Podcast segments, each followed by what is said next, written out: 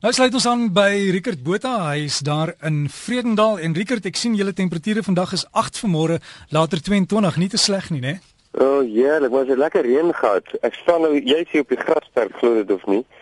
En dit is papnat. Dis nou lekker vir die wêreld, jy weet, bietjie water. So dit reuk so vars, né? Mm, heerlik. En die klein William Dam kom nou mooi vol, jy weet, dis die tipe goed waaroor die mense praat. Hmm. Hoe vol is die klein William Dam? So hoe vol is hy? Ek dink ehm um, weet jy ek het uh, ek het praat oor 'n korreksie. Die ouens aan klein Willem kan dalk gou vir jou SMS, maar hy lê seker hier so in die laat 50s. Hy stoot nou of in die 60s dalk al, jy weet, ek weet nie. Maar gewoonlik in in ehm um, Augustus dan is hy vol. Jy weet so ons loop so na vol toe na Augustus. So ek dink hy doen baie goed. Ons kry mooi reën hierdie tyd van die jaar. Richard, môre is Vadersdag, né? Wat kry God vir Vadersdag? Ah, dis 'n goeie vraag, hè. Wat wat hy graag sou wil hê is jou hart. Dis wat hy sal wil hê. Nou of hy dit gaan kry. Nou ja, goed, dis nou 'n oop vraag, nê. Nee, dit kan dit kan, jy weet, jy nou nie vir ander mense antwoord nie. Dis elke ou vir homself. Hy gaan jy jou hart vir die Vader gee ja of nee? Want kyk, alwaar die Vader belangstel is die harte van sy kinders. En uh, as jy nou dink aan daai gelykenis van Jesus met die verlore seun wat ongelooflik dramaties is is toe daai seun loop, toe hy weggaan. Ehm um, toe uh, bly die pa se hart by die kind want die kind het gegaan. En toe sit hy vir hom wag en hy wag en hy wag en dit was die grootste persent wat die vader kon kry is toe hy die kuif van sy kind daar op die horison sien. En uh, en sy kind ry na varke en lyk soos 'n vark, jy weet mos nou hoe die storie gegaan het en die pa hardloop en hy soen hierdie kind omhels hom en soen hom en die kind wil nog verskonings maak en die pa wil niks hoor nie dit was sy geskenk, sy seun te gekry. Ek dink dis waaroor dit gaan, jy weet verhoudinge met God, dis waaroor alles gaan. Rickert, jy het nou Jesus genoem. Ehm um, ek het laasweek gesê ons 'n bietjie gesels oor hoekom het Jesus net sekere mense genees of net vir sekere mense wonderwerke verrig. Ja, daai is 'n moeilike een, Derek. Dis 'n tawe enetjie daai.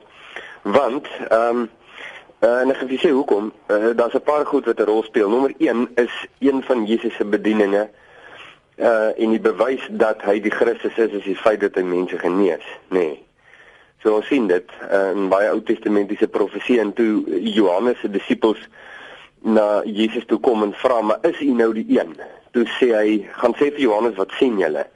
Die siekes word genees en die blindes sien en jy weet hy noem hierdie goed as die bewyse om te sê sien julle ek is die Christus want dit is die ding so daar's die een Uh die tweede ding is ehm um, jy kan amper nie dink dat Jesus verby siek mense sal loop om iemand te gaan genees uh, en en hulle dan ignoreer nie. Jy weet, so dit maak dit maak dit half moeilik veral uit 'n emosionele hoek uit uh, is dit is dit baie moeilik en omdat Jesus dan die mense kon genees want hy sê dit dit is dit is wat hy doen. Jy weet hy vergewe sondes en hy genees siekes en hy verlos mense.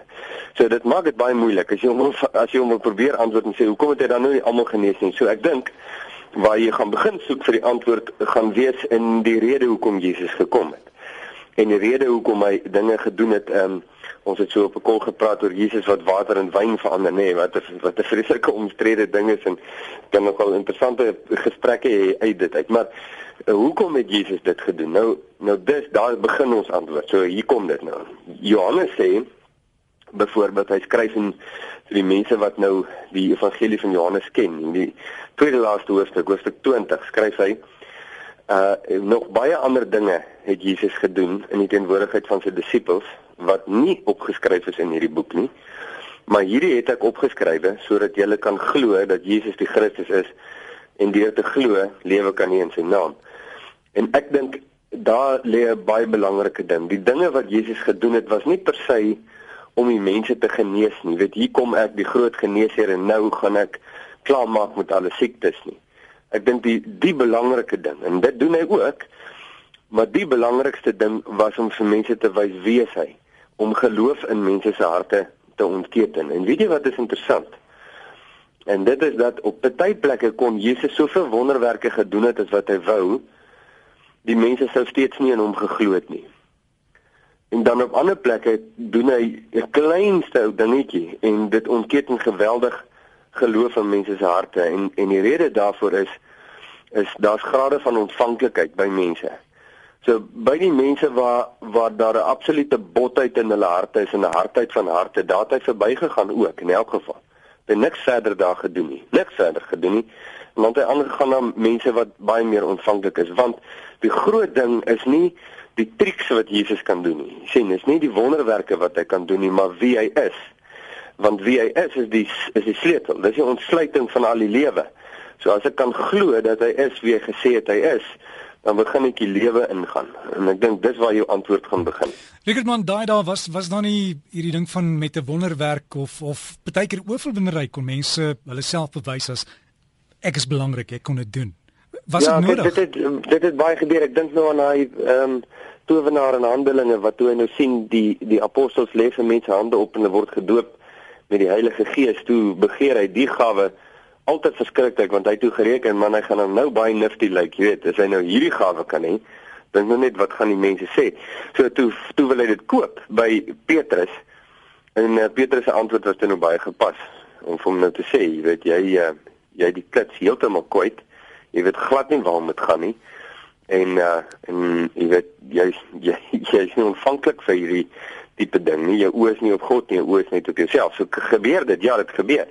Maar is dis belangrik ook dat jy verstaan, ek dink nou in dieselfde boek Handelinge sê eh, die die apostels het die evangelie uh, versprei en God het met hulle saamgewerk deur wonderwerke om te bevestig dat die woord so is. So daar daar's 'n daar is 'n groot ding in 'n in 'n wonderwerk. Vir alles mense nou weet, dit nou niks met oorverbinderheid te doen nie. Ons ken nou vir Kosie.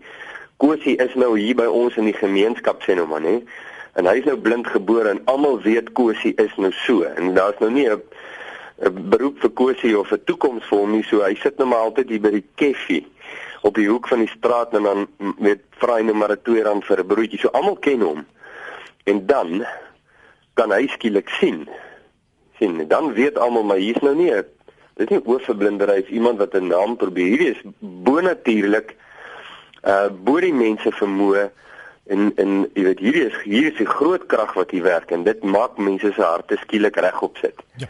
Riker dan daar's ook jy weet ander kosies wat ander plekke in die in die land of in die wêreld sit en en hulle bid, hulle gaan kerk toe, hulle harte is reg en vra hulle ook vir Jesus asseblief help my, maak my gesond en dit gebeur nie. Ja.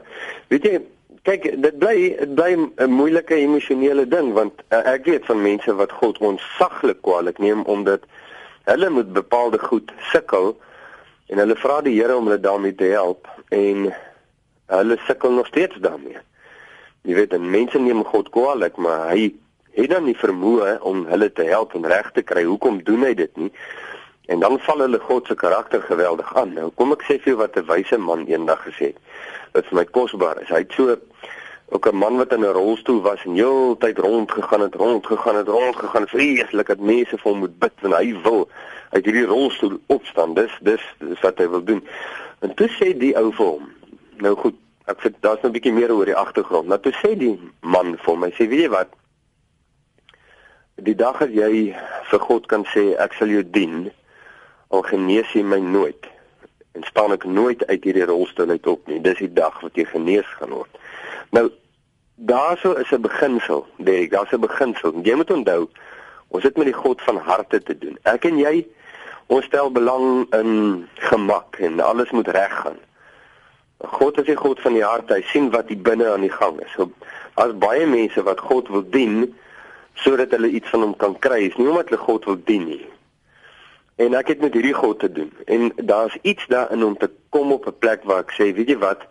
Ek sal God dien en hom aanbid al verander niks in my lewe nie. Want niks hoef te verander nie. Hy bly steeds God. sien? Daar lê iets daar.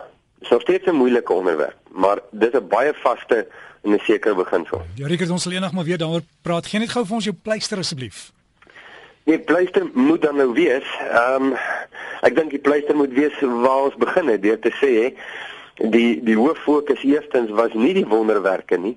Die hoof fokus was die persoon en die karakter en die bediening van Jesus, wie hy is.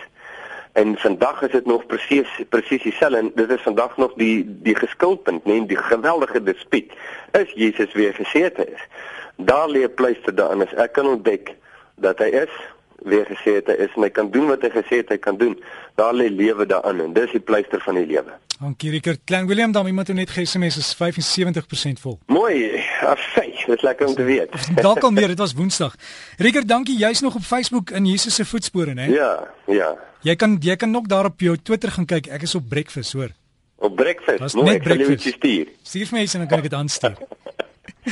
Rieker, lekker naweek, Derek. Selfde dankie Rieker en lekker Vadersdag môre. In Jesus se voetspore soek vir Rieker op Facebook. En sy gesprek sal ook as 'n pot gooi hierdie komende week op RSG se webtuiste beskikbaar wees.